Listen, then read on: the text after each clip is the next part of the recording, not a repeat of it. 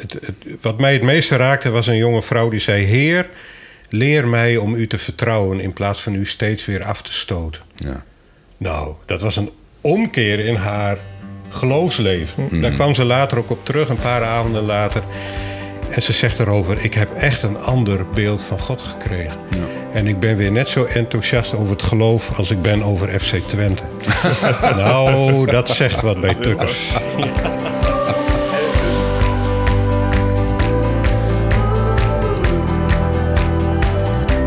Welkom in de podcast Begrijpend Leven, waarin we op zoek gaan naar de grote vragen van millennials rondom de Bijbel, het Evangelie en de kerk. Wat zijn eigenlijk de vragen van deze generatie? Welke rol zien zij nog in de kerk? Met ervaringen en experts gaan wij op zoek naar die ene vraag. Hoe kunnen wij samen de Bijbel leren lezen en leven? Leuk dat je reisgenoot bent op een stukje van onze zoektocht naar de kerk van nu en de toekomst.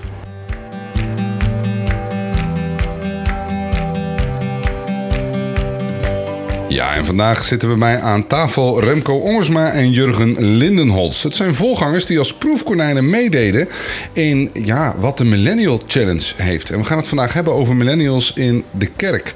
Remco Ongersma is voorganger van de Baptistengemeente in Enschede. En Jurgen Lindenholz is voorganger van Kama Perusia in Zoetermeer, een Kama-gemeente. Ik ben Marijn Vlasblom, ik ben een volganger en projectleider van Begrijpend Leven. En een van de mensen achter die Millennial Challenge. En eigenlijk gaan we met elkaar even terugkijken naar afgelopen jaar. Waar jullie dus, ik noemde het al, als proefkonijnen hebben meegedaan. En ik ben even benieuwd, Remco, hoe zou jij de Millennial Challenge omschrijven? Nou, vooral als een uh, enorme kans om een inkijkje te krijgen in het leven van deze generatie mensen. Grofweg tussen 81 en 95 geboren. Mm -hmm. Hoe ze denken, hoe, de, hoe ze de wereld zien. Mm -hmm. uh, wat er op hun afkomt. En dus ook hoe zij in jouw kerk zitten. Dus een kans, zeg je. Hoe zag die kans eruit concreet? Wat heb je gedaan? Uh, in gesprek gaan met hen. En mm-hmm. met hen de leefwereld ontdekken uh, waar ze in zitten. Met hen uh, ontdekken welke vragen zij hebben, waar ze tegenaan lopen. Wat hun worstelingen zijn. Wat hun vragen zijn. in de breedte van het leven. Mm-hmm. En dan ook verdiepend in het geloof. Ja, precies. En hoe, hoe zag dat er concreet uit? Want ik bedoel, dit kun je doen na de koffie op zondagmorgen. Uh, misschien op, op andere momenten. Wat heb je precies gedaan afgelopen jaar? Wij hebben tien bijeenkomsten gehad waarin we zijn begonnen met een maaltijd. Het zijn vaak drukke mensen die, ja. die hun werkzaamheden hebben, of hun gezin hebben, of hun mm. vrijwilligerswerk.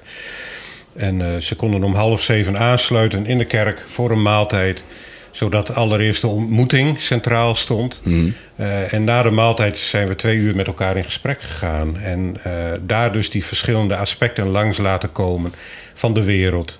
Van uh, de wereld van de Bijbel, de wereld ja. van de kerk. En hun eigen privéleven. Dus één keer per maand uh, een ontmoeting van ongeveer twee uur. En daarvoor had je dan een, uh, een maaltijd uh, ja. met elkaar. Ik heb begrepen dat jij dat wel op een hele slimme, misschien wel sneaky manier gedaan hebt... om die millennials daar naartoe te krijgen. Hè? Hoe heb je dat gedaan? Hoezo sneaky, Marijn? nou, ik geloof dat het idee vanuit de Millennial Challenge was om iets van een American Party of zo te organiseren. En jij hebt het volgens mij nog iets slimmer gedaan. Je hebt volgens mij aan de generaties daarboven gevraagd wie wil er voor de millennials koken, zodat de millennials een beetje ontzorgd worden op die avond. Ja, dat klopt. En uh, uh, dus, er waren genoeg vrijwilligers om iedere avond te vullen. Ja. En uh, mensen die gingen inderdaad koken en. Mm. Die, die werden daar al zo enthousiast van, want ze mochten vaak ook mee eten. Dat ja. ze zeiden, ik wil eigenlijk ook wel zoiets doen. Oh, dus er komen volgend jaar uh, andere challenges bij voor, voor andere Ja, hangt er vanaf wat jij organiseert, Marijn. Maar ja, ik ben beschikbaar. Jij bent beschikbaar, mooi. Jurgen, is, is herkenbaar, behalve dan het eten. Dat deden jullie niet in Zoetermeer. Uh, maar wat Remco omschrijft. Ja, heel herkenbaar. Uh, bijzonder mooie open gesprekken. Mensen die dingen durven te zeggen die ze, waar ze normaal zouden zeggen: Nou, ik hou misschien even mijn mond dicht, want ik weet niet in hoeverre dat mm-hmm. uh, in de gemeente besproken zou kunnen worden. Ja. Uh, het eten dat ging inderdaad niet lukken, want uh, ook bij ons waren het mensen die allemaal druk aan het werk zijn.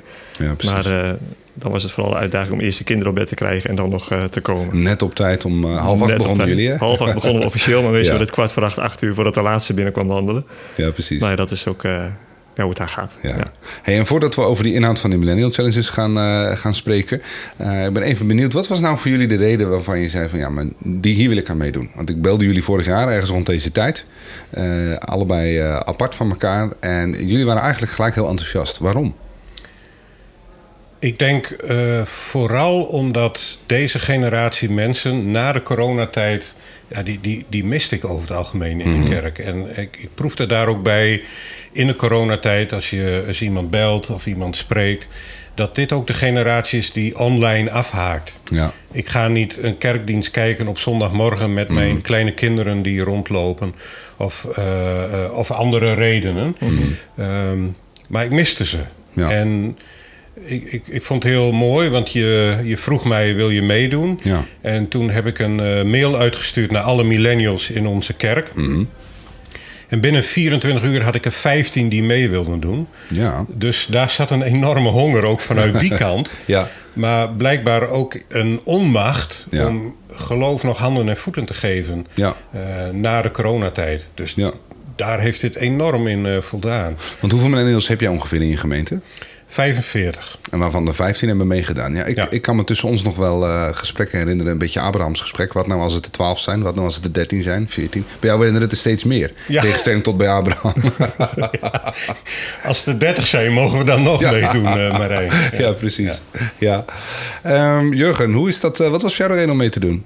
Hoe zit het bij jou met die millennials? Voor mij was het ook nog een onderdeel van kennismaken met de gemeente. Ja. Ik ben in april 2020 uh, begonnen in Zoetermeer. Coronatijd. Dus uh, midden coronatijd. Ja. Dus ik kende de gemeente als een hele kleine gemeente. Soms maar met een paar mensen wat alleen technici waren. Oh ja. En uh, daaruit komend um, was deze generatie toch wel een uitdaging om die uh, beter te leren kennen. Want jij hebt een hele grote gemeente toch eigenlijk? Ja, een relatief grote gemeente inderdaad. Ja, Zeker wat is groot? begrippen. Ja. Nou, op dit moment zitten we op zondag met 300 mensen. Maar Ja. uh, in, de, in de coronatijd, of daarvoor was het veel meer. Dus Ja, we hebben ook wel een jasje uitgedaan. Ja. Um, en tegelijkertijd zie je dat deze groep wel weer, weer terugkomt. Ja, Ja. mooi, mooi. Ja. En dus het was voor jou ook een beetje kennismaking Ja. met deze generatie. Ja, precies. En herken jij in wat Remco zegt, dat dit een beetje de generatie was die dan een beetje afhaakte, post-corona in elk geval? Uh, dat merkte ik niet per se. Mhm. Wat ik vooral zag was dat mensen uh, wel op zondag aanwezig zijn. Ja. Maar dan de commitment eventueel voor iets door de week of een, een laag dieper af te steken, dat dat meer een uitdaging wordt. ja, precies. Um, en hoe je dan met elkaar die Bijbel leest. En Mhm. ik zie dan vooral een groot verschil tussen de generatie daarvoor Ja. En deze generatie. En dat kwam in de Millennial Challenge wel heel duidelijk uh, naar voren. Wat was daarin het verschil dan? Ja. Um, dat, uh, maar je gaat heel erg veralgemeniseren. Maar dat ik merk dat de oudere generatie nog misschien wat meer zit op wat is nu de echte waarheid of zo. Ja. Wat is wel of niet bijbels, dat soort woorden. Mhm. En dat in deze generatie er, uh, nou, de zoektocht ook wel echt mag blijven staan. En die mag ook gewoon doorgaand zijn. En dat vind ik wel heel bijzonder aan, uh, Mhm. Aan die generatie. Die tegelijkertijd nog wel een loyaliteit heeft ook weer Mhm. naar de generatie daarvoor. Dat is wel interessant, hè? Dat spanningsveld is Ja. heel interessant. Ja. ja. Maar voor jou, Remco? Ja, zeker. O- ook, ook omdat het ehm, nou, een, een groep mensen is en je zegt terecht veralgemeniseren, want Ja. je spreekt nooit voor iedereen. Nee. Nee. Maar die natuurlijk wel de grote verhalen kwijt zijn geraakt en de grote waarheden. Mhm. En eh, eh, zich ehm, enorm ook versplinterd voelen. En daarin ook een weg moeten vinden in wat zegt die Bijbel dan over mijn leven. Ja. En dan kun je niet met grote antwoorden aankomen. Dan is het, eh, is het maatwerk. Ja. En, en die luxe hadden hun ouders wel. Ja. Ja. En hoe komt dat dan? Hoe komt het dat die ouders dat wel hadden en, en deze generatie niet? Hoe duid je dat? Nou, we hadden daar wel een heel mooi gesprek over op de, op de laatste of ene laatste avond. Waar het ook ging over, ehm, ja, wil je dan weer terug? Eh, zou je terug willen naar hoe je ouders Ja. dat beleefd hebben? Mhm. En toen zag je ze gewoon verkrampen. Zo van, nee, nee, Dat niet dat niet. keurslijf. Nee, dat nee, willen we niet. Alleen de prijs van individualisering en van absolute vrijheid... ehm, en eh, eh, keuzemogelijkheden is wel... dat je door de vele keuzes die je hebt... en de enorme vrijheid die je hebt... eh, ziet dat, dat de houvast weg is. Ja. ja. Wat is dan nog echt? Wat is dan nog waar? En waar kan ik nog op terugvallen? Dus Ja. dat is enorm schipperend. Ja, ja. Dan kun je met die Millennial uh, Challenge heel veel kanten op. Hè? Het idee is eigenlijk dat uh, inderdaad deze groepen in een ontmoeting of tien uh, met elkaar aan de slag gaan rondom een zelfbedachte vraag of, of, of, thema. Iets wat hen echt bezighoudt, wat zij relevant vinden. Het leuke van jullie, er deden in totaal drie gemeenten mee, ook nog Hoge Zand. Maar het leuke van jullie is dat jullie nogal verschillende vragen hebben gesteld. Jurgen, wat was ongeveer jullie vraag? Ja, onze vraag die is tot stand gekomen op een avond waar ik zelf niet bij was. Mm -hmm. Twee avonden van de tien is de voorganger niet aanwezig. Ja. En um, toen kwam deze, deze groep kwam met, de, met de volgende vraag op. En dat is, uh, ik heb het hier opgeschreven. Hoe kunnen we een inclusieve gemeente zijn waar iedereen welkom is? Oh ja. Nou, daar zitten uh, woorden in wat, uh, nou, wat ook al een enorme diepe betekenis heeft. En ondertussen misschien zelfs wel heel gekleurd is ook in deze maatschappij. Zeker Ja. als je over inclusiviteit hebt. En diversiteit, ja. en diversiteit, ehm, dat zijn woorden die meer lading hebben gekregen de afgelopen jaren. Ja. En toch zat deze groep daarmee. Mhm. En dat, is dat nou ook een vraag waarvan je zegt, nou, dat is echt typisch iets wat vanuit deze generatie komt? Ik denk als je het hebt over die verschillen tussen die twee generaties, ook die Ja. daarvoor, dat Ja. je dan ook wel, eh, waar de dingen zogezegd duidelijk waren, Mhm. dat je eh langzamerhand ziet dat het wat minder duidelijk wordt voor de wat jongere generaties. Ja. En dan gaat dat schuren. Van hoe kun je dan inclusief zijn naar mensen die misschien toch nog wat anders zijn, terwijl de oudere generatie nou ja, duidelijker de grenzen had bewaakt. Ja. Ja. En dan zijn die grenzen misschien op enig moment ook wel eh, neergeschreven of gecodificeerd. Mhm. eh, in een soort van, eh, of een soort taboe geworden. Ook, zo Kan zo ook, ja. ver kan het uiteindelijk gaan. En dan komt een nieuwe generatie die na een aantal jaren toch uiteindelijk deze vraag weer durft te stellen. Ja. Ehm, en ik zei laatst ook, eh, je hebt een soort, een soort terras eh, dichtgetegeld. Maar Mhm. door de voegen komt het omhoog. De vragen die eronder zitten. Ja, En onkruid, of, of, of het dan onkruid of niet onkruid is, daar gaat het dan niet om. Nee, nee, maar... Maar het komt omhoog. En, Ja. en de vraag wordt weer opnieuw gesteld. Ja, Ondanks dat men eh, een paar jaar geleden dacht, we hebben dat geregeld of zo. Ja, Eh, precies. dus dat. het komt weer opnieuw, eh, opnieuw naar boven. Ja. Dus jullie waren bezig met openheid eh, en diversiteit, Ja. ruimte en eh, ja. Ja. dat, dat vraagstuk. Remco, jullie hadden iets heel anders. Ja, ja, dat klopt. Nogal lange zin. Die, ik heb hem ook opgeschreven. hoewel ik hem Prima. zo vaak heb gebruikt in de challenge dat hij eh, Ja. ook wel in mijn hoofd zit. Maar hoe kunnen wij vrij van schuldgevoel en onzekerheid daadkrachtig en fier christen zijn in de sleur en drukte van ons leven? Ja, hoe kwam je daar zo bij? Ja, eh, nou, ik kwam er niet bij. Nee, kwamen zij daarbij?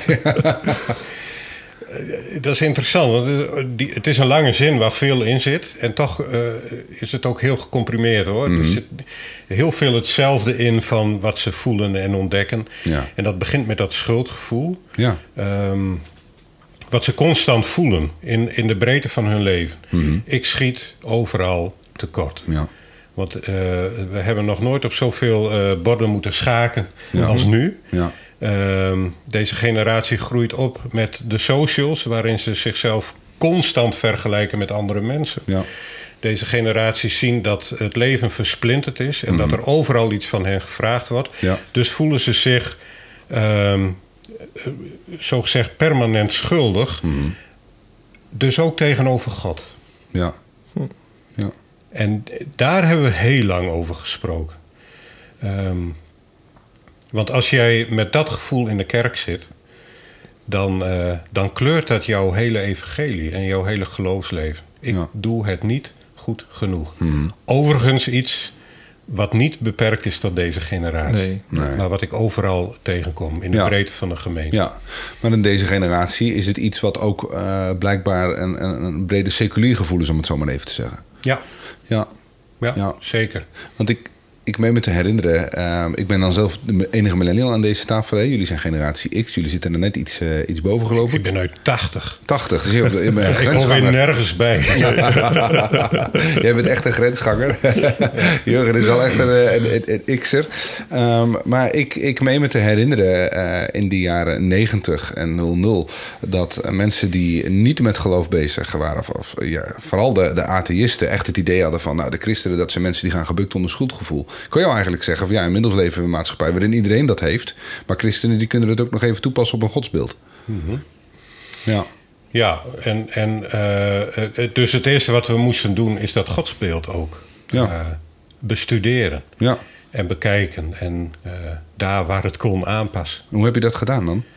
We zijn met elkaar een tekst ingedoken van Matthäus 25 over de schat eh, die, de talenten die uitgedeeld worden. En degene die één talent krijgt, die graaft het in de grond. Mhm. En dan staat op een gegeven moment ook van... ik heb het begraven, want u bent een God die niet oogst waar hij heeft gezaaid enzovoort. En u bent Ja. een boze God. En dat een aantal millennials ook zeiden... zie je wel, dat is God. Ja, Terwijl ehm, in de gelijkenis Jezus eigenlijk dat als karikatuur gebruikt. Mhm.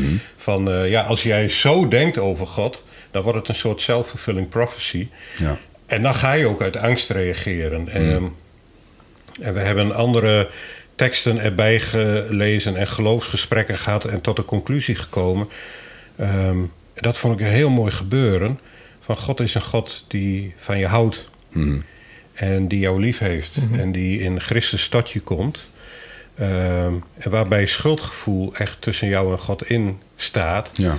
Ehm, maar dat hoeft niet. Nee. Nou ja, je kunt het iemand niet aanzeggen. Hè? Voel je vooral niet schuldig, want dan voel je je nog schuldiger als het wel zo is. Ja, precies.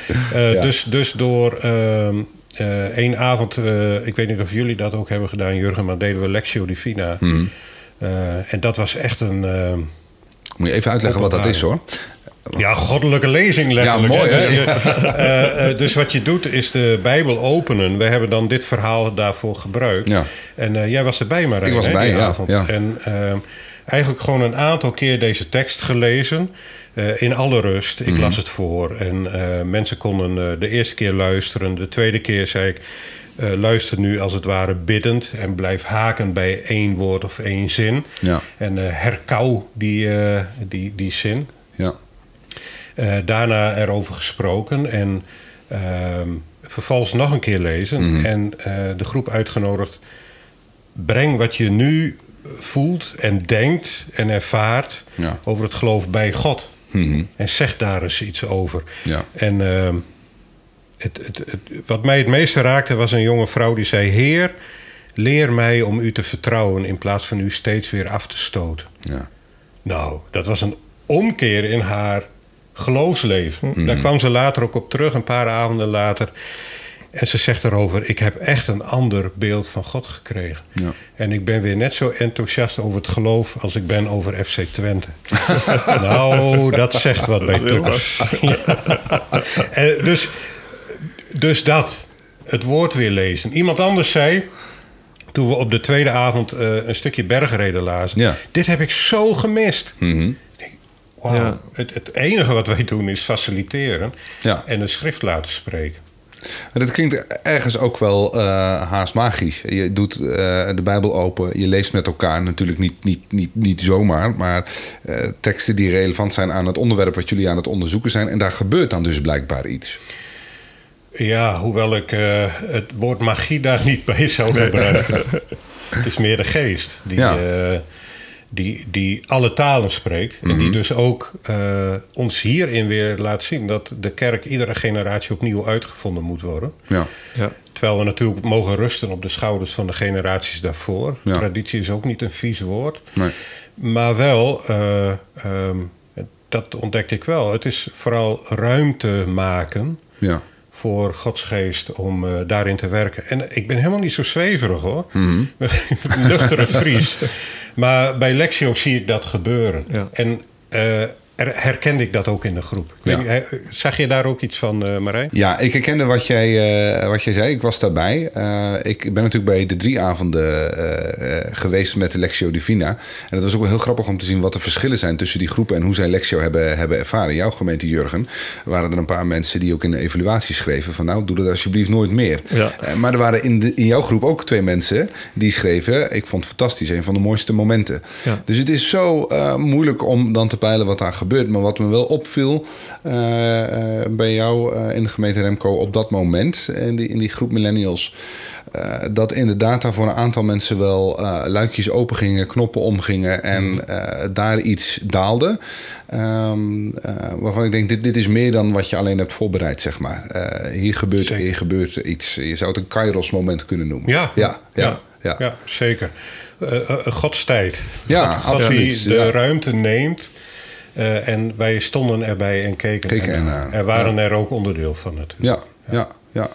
Ehm, wat hebben jullie eigenlijk ontdekt, eh, Jurgen? in jullie eh, Millennial Challenge en jullie vragen rondom diversiteit en ehm, ehm, ja, het ruimte geven aan, het open gemeente zijn? Dat deze vraag gewoon gesteld mag worden. Mhm. En dat, er, ehm, dat we aan de ene kant wel op zoek zijn naar openheid en diversiteit. En tegelijkertijd ervaar je ook wel een soort van, eh, soms van begrenzing daaraan. Het is, het is natuurlijk altijd begrensd. Mhm. Eh, maar dat die grenzen op zich ook helemaal niet verkeerd zijn. Ja. Maar tegelijkertijd wel elke keer weer opnieuw in vraag gesteld mogen worden. En ik denk dat we dat ontdekt hebben. Ja. Tegelijkertijd met een enorme loyaliteit inderdaad aan de voorgaande generaties. Ja. Hoe, Hoe die- hoe proef jij dat? Eh, hoe proef je dat? Je merkt het in het gesprek wanneer er eh, dingen benoemd worden met elkaar. En dat een aantal van de deelnemers wat stiller wordt. Ja. Die, die zie je dan de kat uit de boom kijken. Ja. En op een gegeven moment een, een opmerking maken. Ja, ik weet niet of ik dit mag zeggen, maar... Ja. En dan komt er, een, eh, komt er een opmerking. Aan de andere kant ook iemand die gewoon heel open zegt... ja, ik weet ook niet of ik hier... eh, of ik dit wel zo zie. Mhm. En dat dan dat gesprek open gaat. En, Ja. en dan weet ik een beetje van de achtergrond van de mensen. Ja. Dus je weet ook wie welke loyaliteit in de gemeente verder heeft eh, zitten. Ja. En, en, en dat open gesprek, ik denk dat dat is echt voor mij persoonlijk een van de mooiste eh, momenten geweest. Dat je ziet dat mensen open met elkaar aan het delen zijn Mhm.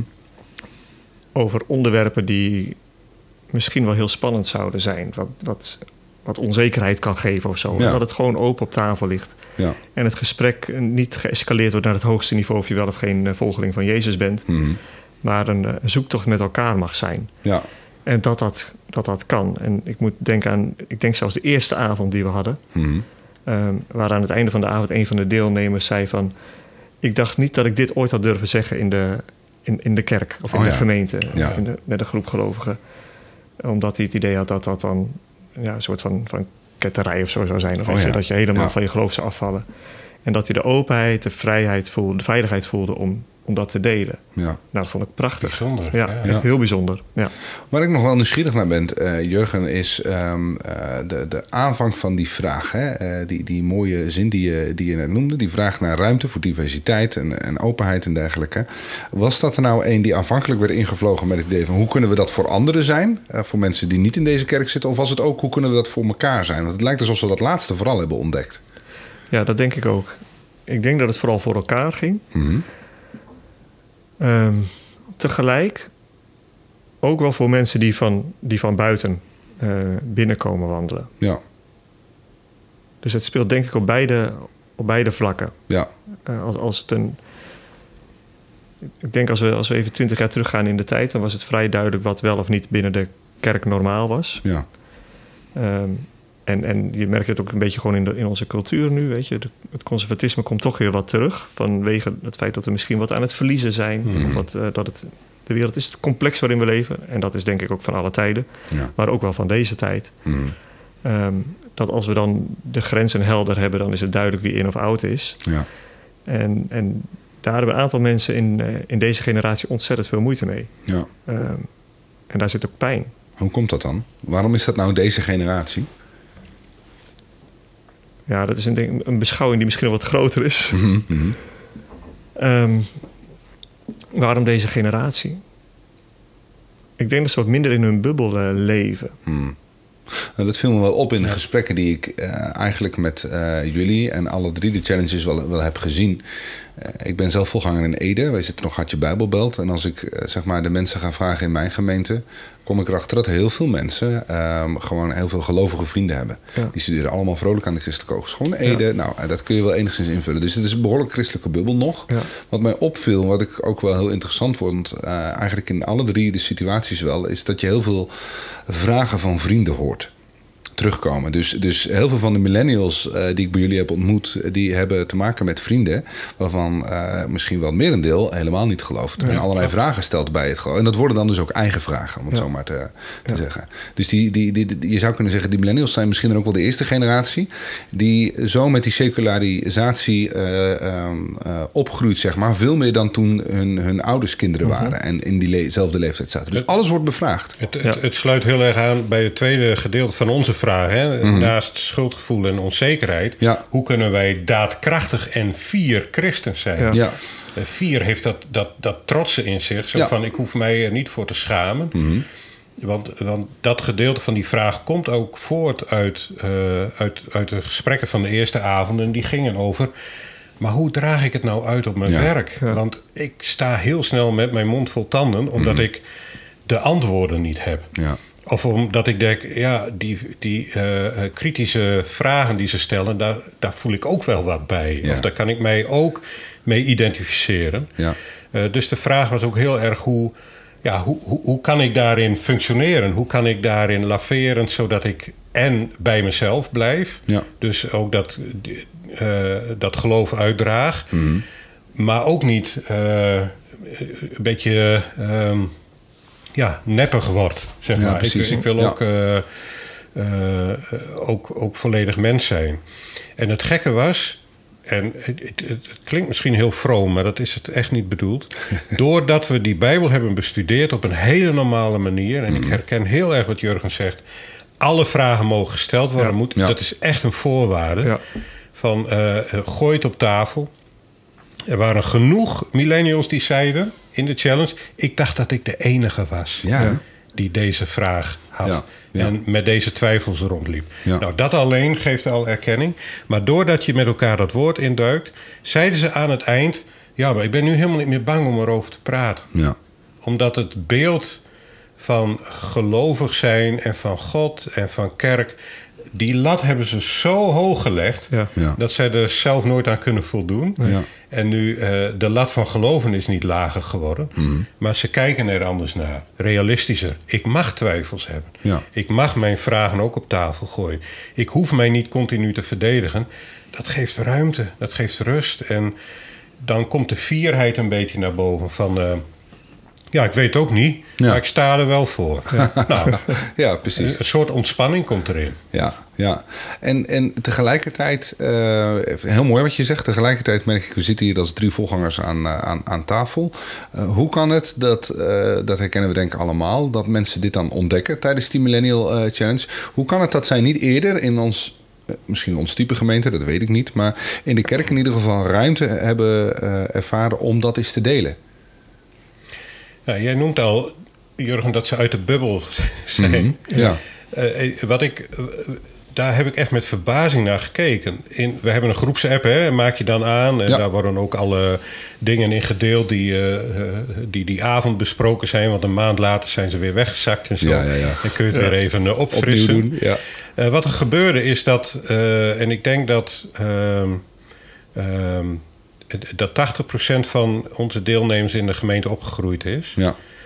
Dat zij deelden op zaterdagavond, en ik, verbaas me erover, waarom doen ze dat? Ik, ik zit morgen in de kerk. Oh ja. En een ander zei, ik ook. En ik ook. En toen ik vroeg, waar, waar komt dat nou vandaan? Is dat niet alleen stimuleren om weer in de dienst te zitten... Maar het gaf ook een veilig gevoel. Oh ja. Ik zit daar niet alleen. Ik ken iemand. Zie je hoe groot die onzekerheid is? Een gemeente waarin je opgegroeid bent, ja. waar je ouders, waar andere families zitten, waar mhm. eh, mensen zitten die je misschien al vanaf geboorte kent. Ja. Vind je moeilijk om naartoe te gaan in je eentje? Ja. Onderschat dit niet, hè? Ja. Hoe, um, ja, hoe diep dat gaat, hoe moeilijk dat is. En ze ontdekken dan in die challenge eigenlijk van ik ben niet de enige. Er zijn um, leeftijdsgenoten met dezelfde vragen, dezelfde angsten, misschien dezelfde twijfels, ja. dezelfde onzekerheden, die ik daar ga ontmoeten. En als zij er mogen zijn, mag ik er ook zijn. Ja. Dat lijkt een beetje de ontdekking dan te zijn. Ja, die ze, dat, die ze... dat is het deels ook. Ja, ja. Ja, Hoe zie jij dat, uh, Jurgen? Is dat herkenbaar voor jouw situatie? Gebeurde dat bij jullie ook bijvoorbeeld? Nou, ik zag minder. Dit soort berichten heb ik niet in de app gezien. uh, deze millennials die kwamen, of komen met enige regelmaat wel in de, in de dienst. Weten elkaar ook, wel, uh, ook zeker wel te vinden. Mm Maar ervoeren een stuk vrijheid onderling om dingen te bespreken die best wel in de taboesfeer anders zouden, zouden hangen. Dat heb ik net ook al een keer, uh, keer aangegeven. Ja. Dus wat zie ik daarin als een, uh, een enorme ontwikkeling is dat ze vanuit de loyaliteit van de vorige generaties nu ook langzamerhand het idee krijgen: ja, maar wij zijn nu langzamerhand aan de beurt ja. om het stokje over te nemen. Ja. En dan moeten wij antwoorden vinden op deze vragen. Dan moeten wij met elkaar op zoek gaan van wat betekent het nu om een gemeente te zijn waar je welkom bent, ja. Ehm, zoals je bent. Met alle haken en ogen die daar aan zitten en alles wat we in ons achterhoofd houden, ja maar wat, ja maar wat. Mhm. En tegelijkertijd toch eh, beginnen bij die stap van hoe kunnen we eerst die verbinding aangaan met, met elkaar en met de mensen die, ehm, die binnenkomen. En het bijzondere is wel dat het, nou ook wel heel typisch weer, dat je, dat je een bepaalde bril soms op moet zetten om deze generatie weer te kunnen vatten. Ja. De, de eerste avond was een van de deelnemers die zegt: Ja, maar waarom drinken wij uit uh, deze kartonnen, zeker plastic bekertjes? Mhm. Kunnen Oh, we ja. niet gewoon een kopje pakken en die afwassen na afloop? Want dit is toch niet heel erg goed voor deze wereld? Ja, Nou, ja. daar zou mijn generatie niet zo heel snel aan denken. Nee. Want die denken: Dit is gewoon makkelijk, het scheelt afwas. Ja, precies. Nou, dus je merkt echt wel dat er, dat er andere dingen leven Ja. waar mensen heel druk mee zijn. Ja, Dus eigenlijk eh, lijkt het wel alsof eh, in, de, in die challenge in elk geval afgelopen jaar... eh, die, die generatie een beetje die kerk opnieuw aan het uitvinden is. Ja. Voor zichzelf.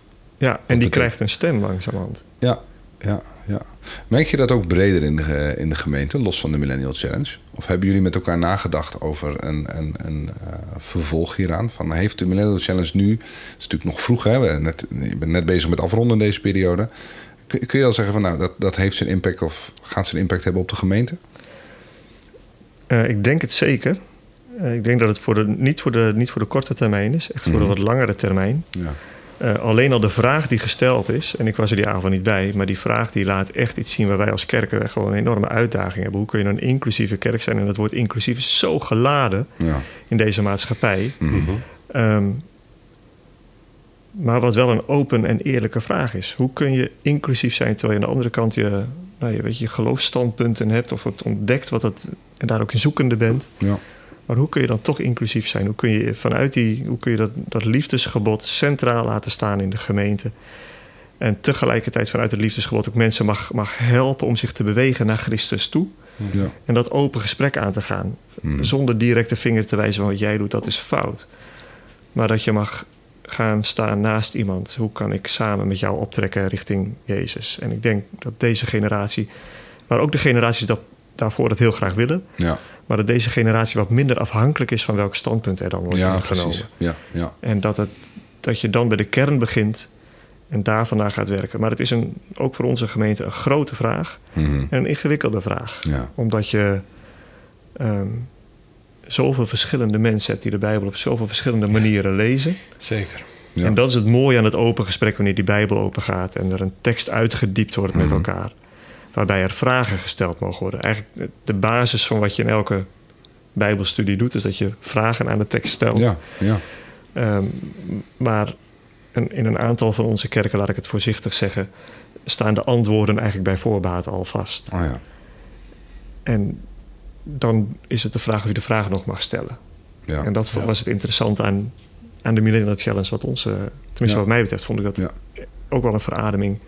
Dat je dat met elkaar kunt ontdekken. Ja, super mooi. Want op een van de eerste avonden eh, ga je een soort kleurenschema ook langs. Mhm. Mooi gemaakt, eh, Marijn. Het zit goed in elkaar trouwens. eh, nu helemaal, hè, Jurgen, na, na deze proef. Naar jullie feedback, ja. Absoluut, absoluut. ja. Maar daarin eh, eh, kon je aangeven welke kleur jij bent. Mhm. Vier kleuren en, en waarbij je een beetje op disc lijkt. eh, waar rood is. eh, nou, eigenlijk hoef ik de tekst niet meer te lezen, want ik weet het antwoord al. Ja. Ja. Tot, eh, tot de andere kant waarin staat, nou het gaat vooral om samen zijn. Ja. Ja. Als we het samen maar gezellig hebben met elkaar. En toen we ontdekten dat eh, die kleuren waren overigens prachtig verdeeld Mhm. in de groep. En eh, daardoor kwamen mensen ook tot, eh, tot het besef van... ik trek soms heel snel conclusies, maar ik Ja. heb jou nodig... En ik heb jou nodig om die tekst goed te begrijpen. En jij hebt mij nodig. Ja. Ja. Dus dat, dat is pure winst. Van het samen op weg gaan, het samen debatteren. En ze schuwen het debat niet, hè? Nee. De- het- ze zijn super open en eerlijk. Ja. En, en kwetsbaar daarin, als, als het maar veilig is. Ja. Dat debat zorgt altijd voor verdieping en Ja. juist voor verbinding in plaats voor, van eh, voor verwijdering. En dat heeft deze generatie wel geleerd. En dat kan deze generatie ook overbrengen op eerdere generaties. Ja. Van eh, ja, voor ons zijn de antwoorden niet pan klaar. Nee. Eh, wij moeten ze zelf uitvinden. Nou, we zijn ook gewend om daar flink over te discussiëren. Ja. En dat Ja. mag. Ja. Ja, dus dat is wel ook winst voor de rest van de gemeente. Ja, dus je zou kunnen zeggen dat, dat eh, die millennials, zeg maar, de, de, in ieder geval in jullie gemeente, ehm, veel meer vragen stelt aan die tekst en veel minder vooronderstellingen ehm, ehm, accepteert, om het zo maar te zeggen. Ja. Ja. ja, dat denk ik wel, ja. Ja. Hebben jullie daar nou als voorganger, want jullie zijn voorganger in deze gemeente, is er nou ook iets waarvan je hebt gedacht van oké, ehm, dit ehm, ben ik anders gaan doen afgelopen jaar. Na, nu ik uh, na acht van de tien ontmoetingen met deze generatie optrek, is er iets veranderd in jullie routine, in jullie taak? Nou, um, natuurlijk is dat schuldgevoel heel erg bij, blijven plakken. Ook omdat ik dat in andere generaties ook terugzie. Ja. Mhm. Dus uh, nou, in de prediking is nog alles teruggekomen. De radicale liefde van God. Oh ja. Um, en tegelijkertijd uh, de, de, balans houden. Dus niet een soort... Uh, je hebt de term curling-ouders. Die, die alles... Uh, curling is zo'n sport waar met zo'n... Ijs, zo'n bezempje. Ja, leg maar eens uit. Alle oneffendheden worden weggeveegd. Ja. Dat was ook heel mooi. Dat ze in de groep zeiden van... dat willen we ook niet. Je nee. moet de lat ook niet zo laag leggen. Dan heb je niks meer in handen. Nee. Uh, dus het evangelie is ook... Uh, uh, iets, iets, iets geweldig moois. En iemand zei de Bijbel is inspirerend en intimiderend. Oh ja. En daar moet eigenlijk vier overeind blijven staan. nou, ja. dat is het. Dus uh, wat ik anders heb gedaan is, is teksten wel met die bril gaan lezen. Van er zit een schuldgevoel. Ja. En, uh, en dat schuldgevoel is blijkbaar door de kerk niet weggenomen. Nee. nee. He, uh, uh, ik, weet, ik weet haar voornaam niet meer. Perrin, die een boek Ruth Perrin, Ruth ja. Perrin over de ja. millennials, die zegt... deze groep mensen, als die de kerk verlaat... het, het, het grootste wat ze zeggen is... Oh, ik voel de druk ja. van het schuldgevoel niet meer. Ja. Pijnlijk, hè? Als dat is wat de kerk heeft uitgedragen... nou, dat, dat, um, dat heeft diepe impact op mij gehad. En daardoor ben ik ook wel echt goed gaan nadenken... welke boodschap uh, verkondig je nou eigenlijk? En Ja. welke boodschap verkondigen wij impliciet als gemeente? Ja. Als het gaat om dat schuldgevoel. Ja, precies. Gaat het alleen maar over zonde en verlossing? Ja. Of, um, en, en de vraag van de millennials ging veel meer over discipelschap. Hoe, Ja. hoe, hoe, Hoe dan? Hoe dan? ja, Ja. Dus, uh, nou, dus de focus is wel wat verlegd. Ja, ja. Hoe is dat voor jou, Jurgen? Ja, ik denk dat dat precies is waar, de, waar die vraag van de millenni- millennials ook bij ons om ging. Ja. Als je het hebt over inclusiviteit en dan vooral hoe kun je dan ook een gemeente zijn waar iedereen eh, thuis kan zijn. Dat Ja. ze inderdaad de veiligheid mogen ervaren met elkaar, of dat we de veiligheid mogen ervaren. Dat je al die vragen mag stellen en Ja. met elkaar samen op zoek kan zijn. Ehm, in plaats van samen het allemaal gevonden hebt of zo. ja, precies. En daar merk je wel dat verschil tussen eh, de generatie waar het duidelijk was hoe, de, nou, hoe onze waarheid als evangelischen in, in elkaar zat. Mhm. En hoe deze nieuwe evangelische generatie, we zijn een beetje volwassen aan het worden als evangelische beweging ook. Ja. Hoe deze nieuwe generatie opnieuw die vragen durft te stellen. Ja.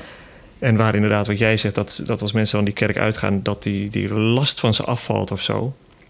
Nou, dat is precies wat die eerste avond bij ons gezegd werd. Dat Ja. ik dit nog durf te zeggen in de kerk. Ja. En dat ze dus mogen ervaren dat in de geloofsgemeenschap zelf die Ja. vraag gesteld mag worden. En de openheid en de kwetsbaarheid er mag zijn. Ja, dat vind ik, eh, vind ik prachtig. En wat is er voor mij veranderd? Eh, aan de ene kant niet zoveel. Aan de andere kant geeft het ook eh, mij wel de vrijmoedigheid om gewoon eerlijk ook in de gemeente neer te leggen waar nog vragen zitten. Ja. Of waar de, eh, de kwetsbaarheid van de samenleving dan is. Of als je een, een mooi thema uitwerkt, eh, bijvoorbeeld in de prediking. Maar dat je ook eerlijk kunt aangeven, ja, maar ik kan me ook voorstellen dat het bij jou niet zo is in Ja. je leven. Ja. En dan zie je niet alleen de millennials knikken, maar je ziet eigenlijk iedereen knikken. En dan de uitnodiging doen aan elkaar, maar laten we afspreken dat we elkaar in ieder geval vasthouden. Ja. Ja. En dan, dan, dan zie je gewoon dat de gemeente met elkaar dat ook het liefste wil. We willen bij elkaar zijn. Mhm. En dan accepteren we ehm, dat we samen op zoek zijn. Ja. Zoiets. Of accepteer ik zeg dat verkeerd. Maar dan gaan we samen om- op zoek hoe we uiteindelijk Christus kunnen dienen met elkaar. En dat licht kunnen zijn in die omgeving. Zonder eerst te veroordelen. Maar waar we gewoon eh, ook gewoon zeggen van ja, weet je wat, we gaan ook maar een beetje strompelend vooruit. Ja. En we willen graag eh, met elkaar samen Jezus eren in dit leven. Ja. Het is ook een beetje de erkenning van we doen, wel, we, we doen wat met elkaar. Ja. Maar we doen het wel met elkaar. Ja, inderdaad, met Ja. elkaar. Het klinkt alsof de- deze groep millennials in die zin een beetje indachtig eh, in jullie eh, eh, hoofd is gebleven. Eh, Gelukkig wel. in, in, in de, Ja. in de, ik kan me dat voorstellen hoor, dat je in de voorbereiding van je, nou, je prediking natuurlijk het meest zichtbare van wat je als, als voorganger doet, maar ook in andere aspecten, dat het wel een stem is die harder is gaan klinken afgelopen jaar in Ja. jullie hoofd, hoor Ja. ik je eigenlijk zeggen. Ja, maar deze nieuwe generatie, en het is niet eens meer de nieuwste generatie. Het is een Nee. generatie van mensen Ja. die, die kinderen hebben, die, die volwassen zijn, die ehm, delen van het leiderschap langzamerhand eh Ja. hun, hun plaats daarin innemen. Ja, Dus die gaan de komende, eh, het komende decennium gaan die van nou, toch wel bepalende betekenis zijn in de Ja. gemeente. Gaan ze het ook doen, denken jullie?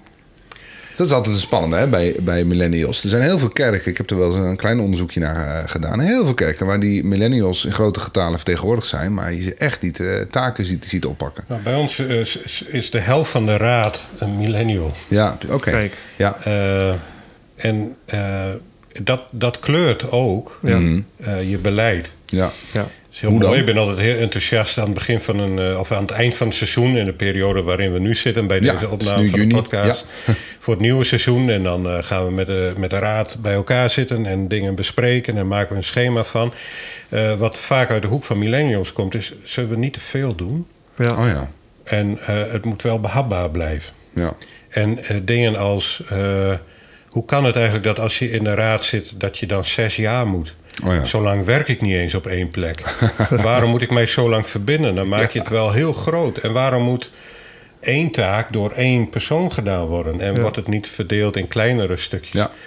Dus je krijgt ook een andere, ehm, andere manier van werken.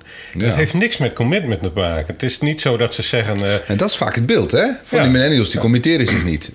Jij nee, maar ze hebben, hun, hun leven speelt zich niet alleen in de kerk af. Nee. Gelukkig niet. Voor een heel groot deel daarbuiten. Maar Ja. ze willen daar wel aan geven aan, Ja. de, aan de gemeente. Eh, alleen het moet voor hun niet de zoveelste last zijn. Nee, precies. Maar dan Ja. haak je snel af. Dan is, dat merk ik, ook in de generaties daarboven... dat als het dan te druk wordt... dan is eigenlijk de kerk de eerste die sneuvelt. Ja, precies. Omdat dat de Ja. minste gevolgen heeft Mhm. in hun leven. Ja. Als het gaat om eh, waar je op aangesproken wordt eh, enzovoort. Ja. ja. Heb jij eh, millennials in de raad, Jurgen? Eh, ik moet altijd even nadenken. Wij hebben er drie in de raad zitten. Drie. En hoe groot is je raad? Eh, ongeveer tien mensen. Oh, dus Ja, het ook wel een significant deel. Ja. Dus je hebt ze, je hebt ze wel. Ja. Is, is, eh, eh, hoe, verandert dat bij jullie, eh, de raad? Of heb je ze altijd al gehad sinds je in de gemeente zit? Ehm, heb ik ze altijd al gehad? Ja, ik heb ze wel gehad inderdaad. Ja, oké. ja. Ja. maar het is aan het, inderdaad, het wisselt door. Mhm. Bij ons is het drie jaar en dan twee jaar. Ja. Dus dat, na drie jaar kun je op een chique manier afscheid nemen als het een periode te druk is geweest. Mhm. Maar het is een behoorlijke commitment, ja. Ja, ja. Ja. Hey, wat verandert er nou? Dat is een vraag die, die ik eh, ook aan jullie van tevoren even heb eh, gestuurd. Wat zou er nou veranderen als millennials aan het roer stonden bij jullie in de kerk? Nou, jij, hebt de helft, Remco. eh, jij een derde, Jurgen. Stel je eens voor, die groep die krijgt het voor het zeggen in jullie gemeente. Wat zie je dan veranderen? Ja, eh, je ziet ons twijfelen, hè? Ja, Ik zie eh, twee eh, zoekende gezichten. Zoekende gezichten. Nadenkend. Ja, dat komt ook omdat je eigenlijk... eh, ergens zitten we nog midden in een proces. Dus Ja. Ja. wij leren ook net Mhm. eh, eh, hun manier van denken... en eh, dat proberen te integreren in de gemeente. Maar het is, sluit een beetje aan op wat ik net al zei. Dus eh, eh, kleinere taken doen enzovoort. Eh, niet te veel willen doen. Mhm. En wat ik wel proefde... was dat ze enorm eh, juist zoeken naar verbinding Ja. ja. eenheid, samen zijn. Mhm. Eh, in een wereld waarin, eh, waarin ze heel gefragmenteerd leven en, en overal kleine stukjes leven hebben, is dat het unieke van de kerk. Ja. Dat je samen kunt zijn en dan niet alleen als millennials, Mhm. maar waar is nou een plek waar je met elkaar, alle generaties bij elkaar een eenheid vormt? Ja, FC Twente hoor ik van Nee, jou. nee, dus, nee, want daar zit je als supporters, als eenlingen. En je Ja. voelt je wel eh, verbonden als je gewoon staan als je voor Twente bent zingt. Ja. Maar je hebt natuurlijk geen enkele band met de ander. En Nee. dat is in een gemeentelijke setting wel uniek. Ja. Ja. Ja. En dat willen ze wel, daar Mhm. willen ze aan geven. En ze proeven op die avonden ook van dit is kostbaar, dit is waardevol. Ja. Ja. Eh, maar wel graag in behapbare porties. Ja, precies. Ja. Precies. Dus ze zouden de, de gemeente, eigenlijk wat je net ook zegt, hè, wat die uh, millennials bij jou inderdaad zeggen, misschien iets, iets leefbaarder willen maken voor millennials. Als ze het voor het zeggen zouden hebben. Ja, dus uh, projectmatige dingen doen. Ja, precies. Verbind je een jaar aan de Millennial Challenge en ga daarna weer vrolijk je weg. Ja, dat en is, uh, Remco, wil je alsjeblieft Lectio Divina op de agenda zetten? Dan kan ik zo nu en dan ja, ja. aansluiten en met anderen een, een heel mooi gesprek hebben. Ja, dat is jou echt gevraagd? Ja, dat ga ik ook doen. Ga je september. doen? Oké. Okay. Ja. Ja. ja. Om de week. Zo. En uh, ja, het vraagt ook wat van ons als ja, ambitieus. ja, best wel. Ja, ja, precies. Dus is er ook minder ruimte voor andere dingen. Ja. Maar uh, ik, ik vond het wel zo belangrijk, omdat ze daarin zoiets moois ervaren hebben, om dit gemeentebreed te doen. Mm -hmm. En ook uh, de gemeente opnieuw te laten ondervinden hoe dat is om daar ook eens iemand van 60 of 70 Ja. bij te hebben, hoop ik. Ja, precies. Een uh, begin twintiger, een veertiger. Ja. en dan met elkaar je openstellen. Doe je gemeente breed dan. Ja, zeker. Ja. En jij Jurgen, stel die, uh, die een derde, millennials bij jou inderdaad, uh, die nemen ineens al hun uh, vrienden mee. En dat, dat wordt even 100%. Jij bent ineens de oudste, uh, ik weet niet of je in de raad zit, ik vermoed van wel, maar je bent ineens Ja, ja, de oudste ja. in, die, in, die, in die groep als uh, X'er. wat, wat, wat gaan zij agenderen? Uh, ik denk dat ze nog steeds die loyaliteit hebben naar de vorige generatie. Dus Ja. dat die wijsheid die komt er gelukkig ook in, want ze beginnen het ook gelukkig wat op leeftijd te worden. Ja, Uh, maar ik denk dat er minder taboes zouden zijn. En minder angst voor wat anders is dan wat wij gewoon zijn. Ja. En tegelijkertijd ook op zoek naar die, uh, een manier van gemeente zijn waarin je, uh, wat Jezus zegt, kom bij mij en ik zal je rust geven. Ja. Dat ze dat tweede deel ook echt heel graag willen. Van dat we ook rust kunnen vinden in de geloofsgemeenschap. ja, precies. En niet wat we ook wel eens gedaan hebben van kom bij ons in de kerk en ik zal je een taak geven.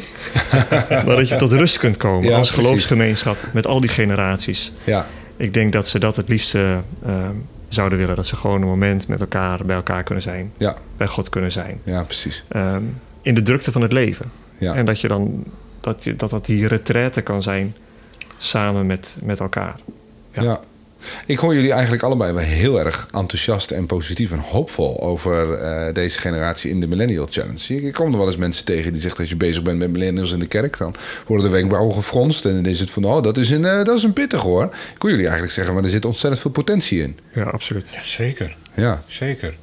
Uh, wat ze zelf mogen ontdekken ook. Ja. ja precies. Omdat er ja. ook die, die onzekerheid, uh, uh, dat schuldgevoel, gaat vaak gepaard met een soort laag zelfbeeld. Ja, ja. ja. ja wie ben ik nou? Wat stel ik nou voor? Ja. Iemand zei op de laatste, uh, laatste avond van... Uh, ik heb ontdekt dat wat ik denk en voel... Mhm. Dat ik dat ook mag zeggen. Ja. Dat dat er ook toe doet.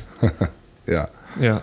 Het zijn volwassen mensen hè, die dit Ja. zeggen. Die zich uitspreken dan, ja. En dan uh, zeggen ze van... hey, dat, ik merk dat dat een effect op een ander heeft... en Ja. een ander kan helpen. Ja. Nou, dat geeft al aan hoe ze zelf eigenlijk aan onzekerheid in Ja. het leven staan. Ja. En dat je een platform biedt en dat je een, uh, veilige haven biedt. Uh, een, een, een, oase in de woestijn uh, aanbiedt. Waarin je zegt, nou kom maar even tot rust. Ja. Uh, maar voed je ook daar. Zodat je weer verder kunt. Dus ruimte scheppend eigenlijk. Voor, Ja. voor, voor ook, die, ook die vragen. Er is nog één, uh, nou, het is geen dingetje, maar één ding wat ik met jullie nog wel zou willen be bespreken. Dat is rondom die vragen van de, uh, rondom de Bijbel.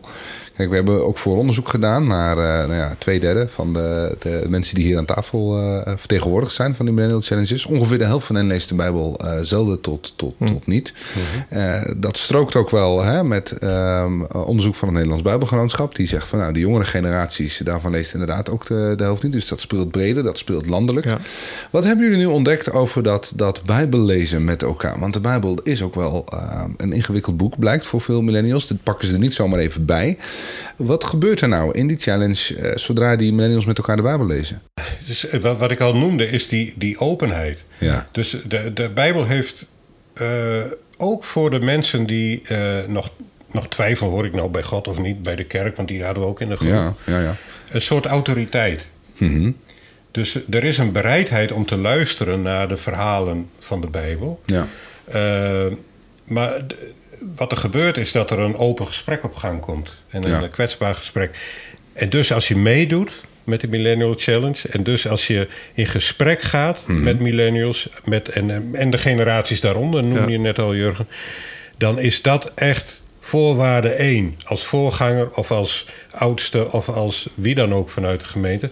wees zelf ook open. Oh ja, ja. ja. En eh, kwetsbaar. En eh, pretendeer niet alle antwoorden te hebben. Want ze kunnen je verrassen met antwoorden waar zij mee komen. Ja, precies. eh, die jou ook wat leren.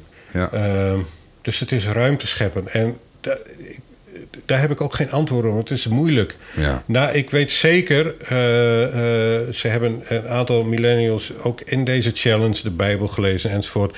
Als dit weer vervaagt en de tijd gaat weer door, dan verstoft het boek misschien weer. Ja. Dat is de realiteit. Ja. Dat is ook onze opdracht om dus telkens opnieuw wegen te vinden.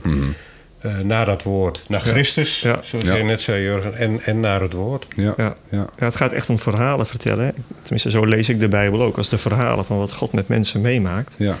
En die elke keer weer opnieuw in herinnering brengen. Dat zie je eigenlijk door de hele geschiedenis van het Joodse volk ook heen. Dat elke keer weer de grote daden van God in herinnering gebracht worden. Ja. En ik denk dat dat de belangrijkste taak is als ik het over prediking heb in de gemeente.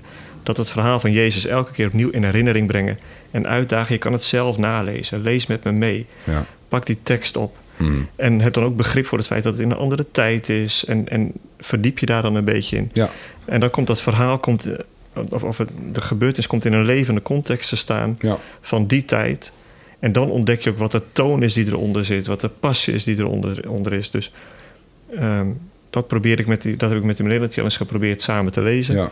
En dat neem je inderdaad ook mee naar de zondagen of op andere momenten. Dus ik moedig mensen altijd aan, probeer die Bijbel mee te nemen. Ehm, Ja. lezen, lezen, probeer een langer stuk te lezen. Kies een vertaling die makkelijk is, waar je je bij thuis voelt. Ja. En dan blijf ik een klein beetje weg bij eh, nou, wat is dan de beste, of nou, weet je, al dat soort dingen meer. Maar gewoon lees, ken, ken het verhaal een beetje. Ja. En als dat het grote verhaal is van God en mensen, dan hebben wij daar een klein stapje, dan zitten wij ook ergens in dat verhaal verstopt. Hmm. Ja. En ik merk dat dat aanslaat bij de millennials. Ehm, en ik ben razend gek op deze generatie. Ik vind Ja. het echt geweldig mooi Ja. om te zien. Ook omdat je, nou goed, ik voel mezelf nog altijd jong. Dat ben je er op den duur wat minder. Ik ben van 75. Mhm. Maar tegelijkertijd ben je in één keer ben je op, weet je, ben je op een wat, wat hogere leeftijd gekomen. Van, nee, dat, ik zeur ook maar wat. Maar, in één keer ben je dan voorbij zo'n jongere generatie of Ja, zo. Weet ja. je, mijn broer zei het een keer in één keer begon iemand die begon me met u aan te spreken. En dan weet je hoe laat het is. Ja. Ja. Ehm, maar ik ben echt gek op die generatie. Omdat ze mij de vrijheid geven, laat ik het zo zeggen. Hmm. Eh, eh, en, en dezelfde vragen durven te stellen die ik ook vanuit mijn professionaliteit als, eh, nou ja, als, als theoloog zou je kunnen zeggen, ook durf te stellen aan die tekst. Ja. Zonder taboes. Gewoon een vraag stellen. Ja. En op zoek gaan, wat betekent dat uit het woord van God? En wat betekent het voor ons vandaag? Ja. Zonder de antwoorden van tevoren al, eh, al op tafel te hebben liggen. Ja. Ja, ze, ze, ze zoeken ook wel, eh, merk ik, naar verbinding. Ja. tussen dat woord eh, van God, dat moet wel iets zeggen over. Nou, als het gaat over gender, waar, waar we mee bezig zijn. Of als het gaat over duurzaamheid Ja. Mhm. en Ja. Gods schepping. Ja. Als dat niks zegt over mijn leven. Nee. dan heb ik er niet zo heel veel aan. Dan is het een mooi wijsheidsboek, maar dan kan ik ook wel andere filosofische werken eh, Ja. of mooie films kijken. Ja. Ja, en dat is ook zo. Dus Ja. het, het is wel de schone taak om de relevantie ervan eh, telkens weer eh, te laten zien. Ja, en, tegelijkertijd, ontdekken. en tegelijkertijd zijn die onderwerpen zijn een, een, een soort van identitaire kenmerken geweest ook van die evangelische beweging. Daar was Mhm. eigenlijk maar één antwoord op mogelijk. Uit de tijd dat, eh nou zeg 40 jaar geleden, onze type kerk ontstonden. Ja. Die antwoorden waren, nou, zogezegd duidelijk of bijbels, dat soort eh, jargon. Ja. Nou, maar dat jargon heeft de, mi- heeft de millennial eigenlijk heel weinig. Ja. Ehm, nou, dat, dat, dat vind ik het spannend om deze generaties met elkaar eh, in verbinding te brengen. En het enige wat ik dan doe is, is begrip vragen voor elkaar. Ja. En, en een klein beetje ruimte creëren. Het kan zijn dat wat we zo zeker dachten te weten... Ja. Misschien ook wel voor meerdere interpretaties vatbaar is. Zonder dat je direct van je geloof valt. Ja, dus zodra je samen een eh, open ruimte eh, weet te creëren, door, door zelf ook kwetsbaar eh, te zijn en met elkaar daarin de ruimte vindt om het woord te openen en daar ook vragen aan te stellen, Ja. dan konden daar wel eens hele mooie dingen gebeuren, Ja. ik jullie eigenlijk zeggen. Mijn laatste vraag aan jullie is: ehm, wij komen nu tot de afronding van het eerste seizoen van de Millennial Challenge. Volgend jaar eh, gaan er weer eh, vier tot zes nieuwe kerken mee eh, van start. Wat zouden jullie tegen collega's willen zeggen die nog aarzelen of ze mee gaan doen met die Millennial Challenge? Nou, aarzel niet, twijfel niet. Eh, tijd die je aan God besteedt is sowieso goede tijd. Maar tijd die je aan nieuwe generaties besteedt die Ja, zoekend zijn, Mhm. ja, kon nog wel eens enorm verrijkend zijn voor je eigen leven, je geloofsleven, je eigen standbeelden. Ja. Maar het zet jezelf ook in beweging. Dus doen. Het is goed voor hen, het is goed voor jezelf, het is goed voor de gemeente en uiteindelijk dus ook goed voor de wereld. Ja. Mooi, dankjewel. Nog Ja. iets aan toe te voegen, Jurgen? Nou, we zijn een kerk van, van vele generaties. Ja. We gaan ondertussen twintig eeuwen mee, zou je kunnen zeggen. En al die eeuwen daarvoor dat God met zijn volk al onderweg was. Dus het is aan onze taak om het door te geven aan de volgende generatie. En dat betekent dat zij ruimte mogen krijgen en dat wij langzamerhand minder mogen worden en zij meer mogen worden. En dan kunnen we het stokje prachtig doorgeven. En dan vind ik dit een geweldige kans om, eh, om hier aan mee te doen. Dus ik zou zeker iedereen uitdagen. Jongens, je hebt eh, niks te verliezen. We hebben alleen maar een nieuwe generatie te winnen.